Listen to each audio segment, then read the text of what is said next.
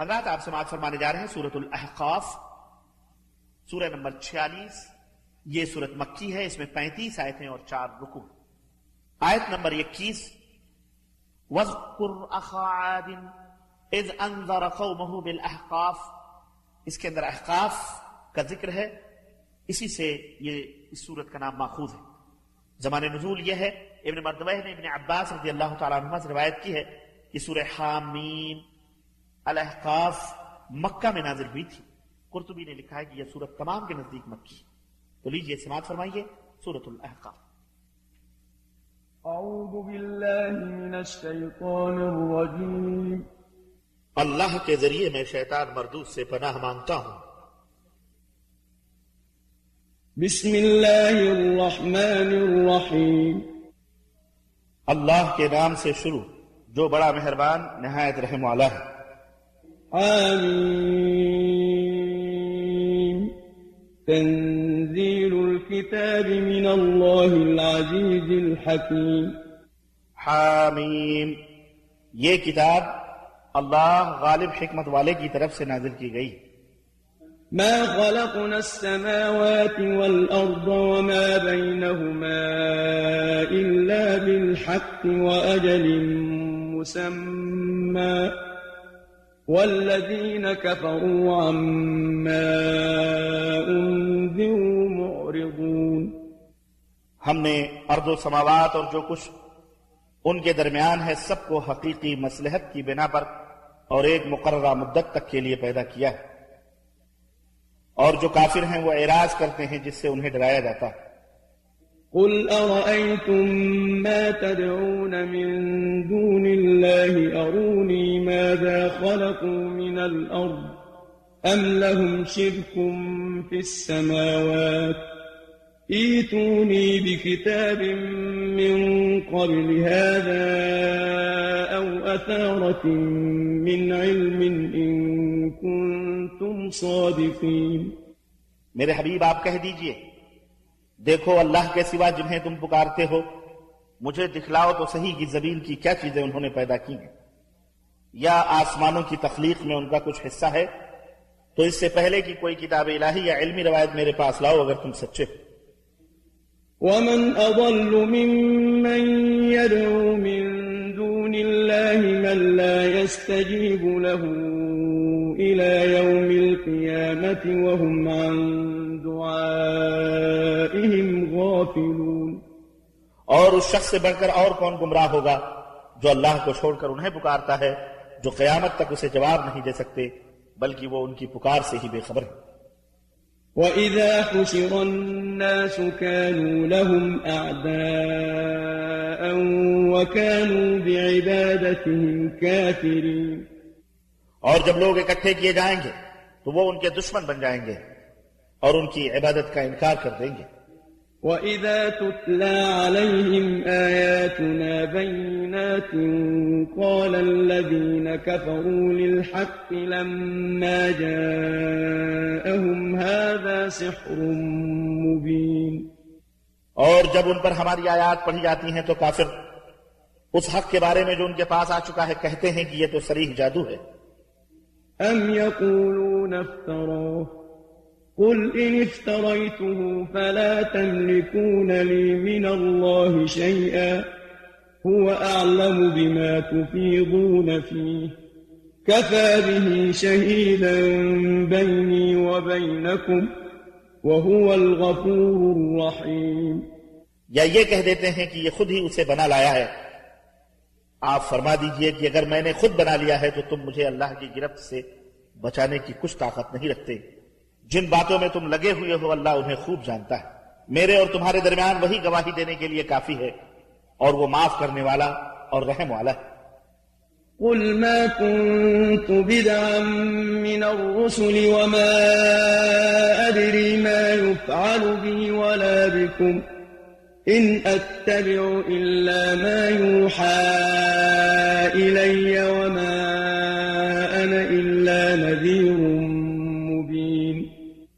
میرے نبی آپ کہہ دیجیے کہ میں نرالا رسول نہیں ہوں اور میں یہ نہیں جانتا کہ مجھ سے کیا سلوک کیا جائے گا اور تم سے کیا میں تو اسی کی اتباع کرتا ہوں جو میری طرف وحی کی جاتی ہے اور میں محض ایک واضح ڈرانے والا ہوں۔ قل أرأيتم إن كان من عند الله وكفرتم به وشهد شاهد وشهد شاهد من بني إسرائيل على مثله فآمن واستكبرتم إن الله لا يهدي القوم الظالمين آپ کہہ دیجیے کہ دیکھو، اگر یہ اللہ کی طرف سے ہو اور تم نے اس کا انکار کر دیا اور بنی اسرائیل سے ایک گواہ نے بھی ایسی گواہی دے دی، چنانچہ وہ تو ایمان لے آیا اور تم اکڑ بیٹھے، تو تمہارا انجام کیا ہوگا؟ بے شک اللہ تعالیٰ ایسے ظالموں کو ہدایت نہیں دیتا۔ وقال الذين كفروا للذين آمنوا لو كان خيرا ما سبقونا إليه وإذ لم يهتدوا به فسيقولون هذا إفك قديم اور کافر ایمان والوں سے کہتے ہیں کہ اگر یہ اچھا ہوتا تو اہل ایمان اسے قبول کرنے میں ہم سے سبقت نہ لے جاتے۔ اور چونکہ انہوں نے ہدایت نہیں پائی لہذا اب یہ کہیں گے کہ یہ تو پرانا جھوٹ ہے۔ ومن قبله كتاب موسى إماما ورحمة وهذا كتاب مصدق لسانا عربيا لينذر الذين ظلموا وبشرى للمحسنين۔ حالانکہ اس سے قبل موسیٰ کی کتاب جو رہنما اور رحمت کی موجود تھی اور یہ کتاب اس کی تصدیق کرنے والی ہے جو عربی زبان میں ہے تاکہ ظالموں کو تنبیہ کرے اور نیکوں کو بشارت دے۔ إن الذين قالوا ربنا الله ثم استقاموا فلا خوف عليهم ولا هم يحزنون۔ یقیناً جن لوگوں نے کہا کہ ہمارا رب اللہ ہے پھر اس پر ڈٹ گئے۔ انہیں کوئی خوف نہ ہوگا اور نہ وہ غمگین ہوں گے۔ أولئك أصحاب الجنة خالدين فيها جزاء بما كانوا يعملون. یہی لوگ اہل جنت ہیں جو اس میں دائمی رہیں گے۔ یہ ان کے اعمال کا بدلہ ہے جو وہ کرتے رہے۔ ووصينا الإنسان بوالديه إحسانا۔ حملته أمه كرها ووضعته كرها وحمله وفصاله ثلاثون شهرا حتى إذا بلغ أشده وبلغ أربعين سنة قال رب أوزعني أن أشكر نعمتك قال رب أوزعني أن أشكر نعمتك التي أنعمت علي وعلى والدي وأن أعمل صالحا ترضاه وأن أعمل صالحا ترضاه وأصلح لي في ذريتي. إني تبت إليك وإني من المسلمين. ہم نے انسان کو حکم دیا کہ وہ اپنے والدین سے اچھا سلوک کرے، اس کی ماں نے مشقت سے اسے پیٹ میں رکھا اور مشقت سے جنا، اس کے حمل اور دودھ چھڑانے میں تیس ماہ لگے، حتیٰ کہ جب وہ اپنی بھرپور جوانی کو پہنچا اور چالیس سال کا ہوا تو کہنے لگا، میرے رب، مجھے توفیق دے کہ میں تیرے احسان کا شکر ادا کروں، جو تو نے مجھ پر اور میرے والدین پر کیا ہے، اور یہ کہ میں اچھے عمل کروں جو تجھے پسند ہو اور میری خاطر میری اولاد کی اصلاح کر۔ میں تیرے حضور توبہ کرتا ہوں اور بلا شبہ میں فرما بردار ہوں۔ أولئك الذين نتقبل عنهم أحسن ما عملوا ونتجاوز عن سيئاتهم في أصحاب الجنة وعد الصدق الذي كانوا يوعدون یہی لوگ ہیں جن کے اچھے اعمال ہم قبول کرتے اور ان کی برائیوں سے درگزر کر جاتے ہیں۔ یہ اہل جنت میں شامل ہیں۔ اللہ کا وعدہ سچا ہے جو ان سے کیا گیا تھا۔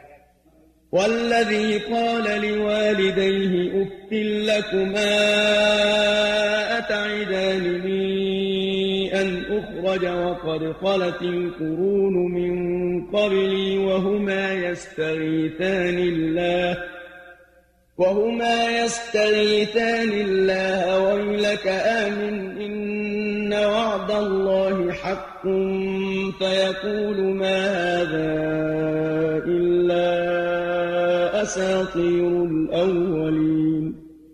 اور جس شخص نے اپنے والدین سے کہا، تف ہو تم پر، تم مجھے ڈراتے ہو کہ میں زمین سے نکالا جاؤں گا، حالانکہ مجھ سے قبل بہت سی نسلیں گزر چکی ہیں۔ اور وہ دونوں اللہ کی دہائی دیتے ہیں۔ تیرا ستیاناش ہماری بات مان جا، کیونکہ اللہ کا وعدہ سچا ہے۔ تو وہ کہتا ہے یہ تو پہلے لوگوں کے قصے ہیں۔ أولئك الذين حق عليهم القول في أمم قد خلت من قبلهم من الجن والإنس إنهم كانوا خاسرين یہی لوگ ہیں جن پر جنوں اور انسانوں کی ان سے پہلے کی جماعتوں سمیت اللہ کا عذاب کا قول صادق آتا ہے۔ بلا شبہ یہی خسارہ اٹھانے والے ہیں۔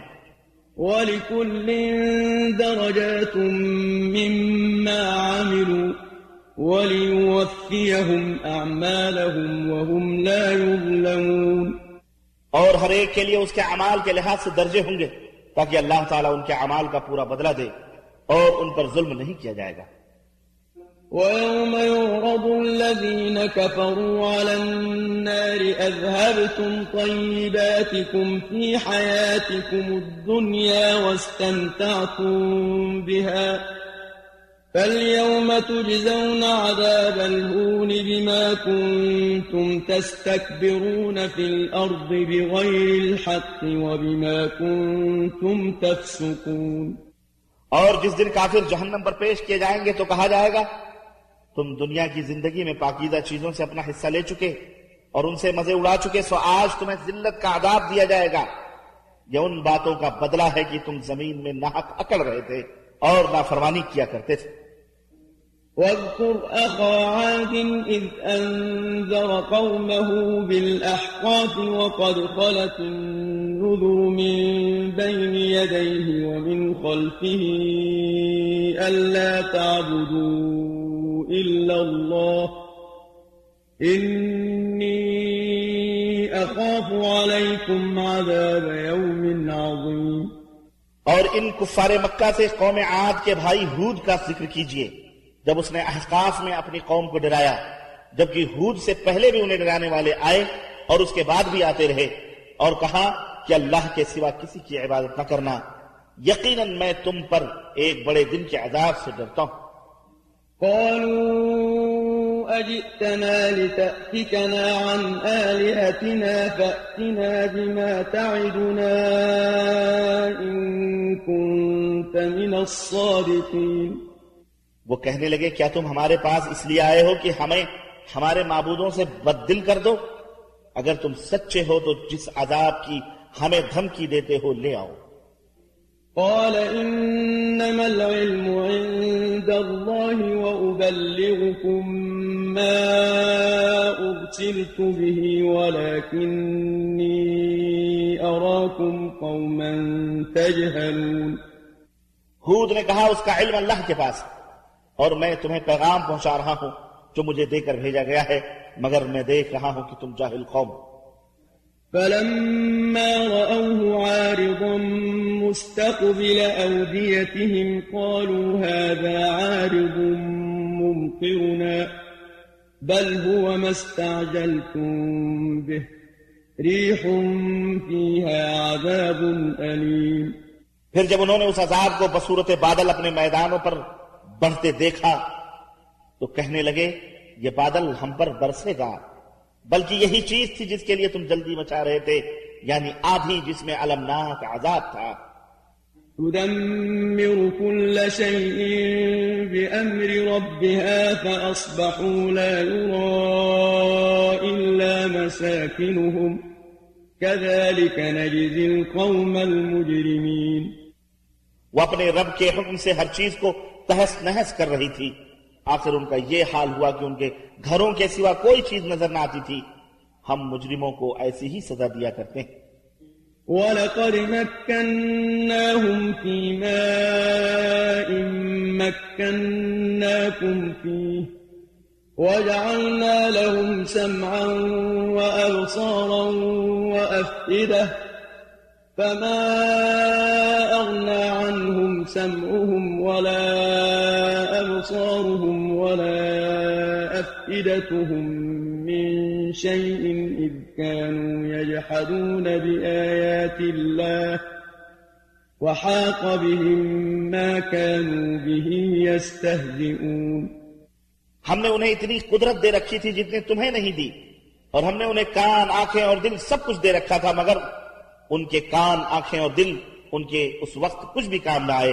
جب انہوں نے اللہ کی آیات کا انکار کر دیا اور انہیں اسی چیز نے آگ گھرا جس کا وہ مذاق اڑاتے تھے۔ وَلَقَدْ أَهْلَكْنَا مَا حَوْلَكُمْ مِنَ الْقُرَى وَصَرَّفْنَا الْآيَاتِ لَعَلَّهُمْ يَرْجِعُونَ۔ اور تمہارے ارد گرد ہم بہت سی بستیاں ہلاک کر چکے ہیں۔ ہم نے دلائل کو طرح طرح سے بیان کر دیا ہے تاکہ وہ باز آ جائیں۔ فلولا نصرهم الذين اتخذوا من دون الله قربانا آلهة بل ضلوا عنهم وذلك إفكهم وما كانوا يفترون پھر ان ہستیوں نے ان کی کیوں مدد نہ کی جنہیں ان لوگوں نے اللہ کے سوا تقرب اللہ کا ذریعہ سمجھ کر الہ بنا رکھا تھا، بلکہ انہیں یاد ہی نہ رہیں گی۔ اور یہ نتیجہ ہے ان کے جھوٹ اور جھوٹے عقیدے کا جو انہوں نے گڑھ رکھے تھے۔ وَإِذْ صَرَفْنَا إِلَيْكَ نَفَرًا مِّنَ الْجِنِّ يَسْتَمِعُونَ الْقُرْآنَ فَلَمَّا حَضَرُوهُ قَالُوا أَنصِتُوا فَلَمَّا قُضِيَ وَلَّوْا إِلَىٰ قَوْمِهِم مُّنذِرِينَ اور جب ہم جنوں کے ایک گروہ کو آپ کی طرف لائے جو قرآن سن رہے تھے جب وہ اس مقام پر پہنچے تو کہنے لگے خاموش ہو جاؤ۔ پھر جب قرآن پڑھا جا چکا تو وہ ڈرانے والے بن کر اپنی قوم کے پاس لوٹے۔ قالوا يا قومنا إنا سمعنا كتابا أنزل من بعد موسى مصدقا مصدقا لما بين يديه يهدي إلى الحق وإلى طريق مستقيم۔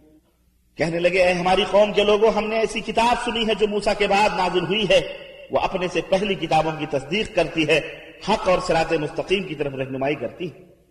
يا قومنا أجيبوا داعي الله وآمنوا به يغفر لكم من ذنوبكم ويجركم من عذاب أليم اے ہماری قوم اللہ کی طرف بلانے والے کی بات مان لو اور اس پر ایمان لے آؤ۔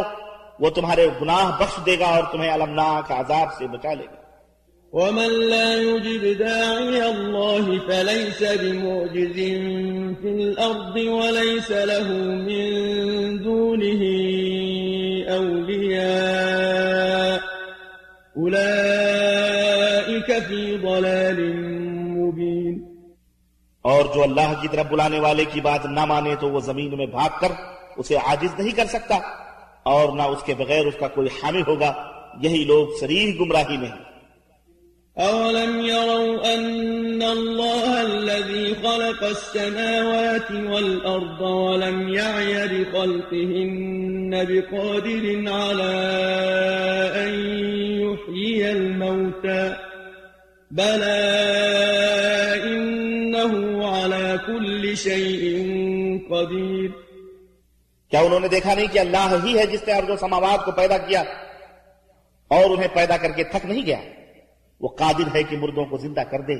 کیوں نہیں؟ وہ ہر چیز پر قادر۔ ہے ويوم يعرض الذين كفروا على النار أليس هذا بالحق؟ قالوا بلى وربنا۔ قال فذوقوا العذاب بما كنتم تكفرون۔ اور جس دن کافر جہنم پر پیش کیے جائیں گے تو ان سے پوچھا جائے گا، کیا یہ جہنم حق نہیں؟ وہ کہیں گے، کیوں نہیں؟ ہمارے رب کی قسم حق ہے. اللہ فرمائے گا، اب عذاب کا مزہ چکھو، اس بنا پر جو تم کفر کیا کرتے تھے. فاصبر كما صبر أولو العزم من الرسل ولا تستعجل لهم كأنهم يوم يرون ما يوعدون لم يلبثوا إلا ساعة من نهار. بلاغ، فهل يهلك إلا القوم الفاسقون؟ بس اے نبی، صبر کیجیے، جیسے اولو العزم رسول صبر کرتے رہے ہیں، اور ان کے بارے میں جلدی نہ کیجیے۔ جس دن یہ دیکھ لیں گے جس سے انہیں ڈرایا جاتا ہے، تو وہ سمجھیں گے کہ جیسے دنیا میں بس دن کی ایک گھڑی ہی ٹھہرے تھے، بات پہنچا دی گئی ہے۔ تو اب کیا نافرمان لوگوں کے علاوہ کوئی اور ہلاک ہوگا؟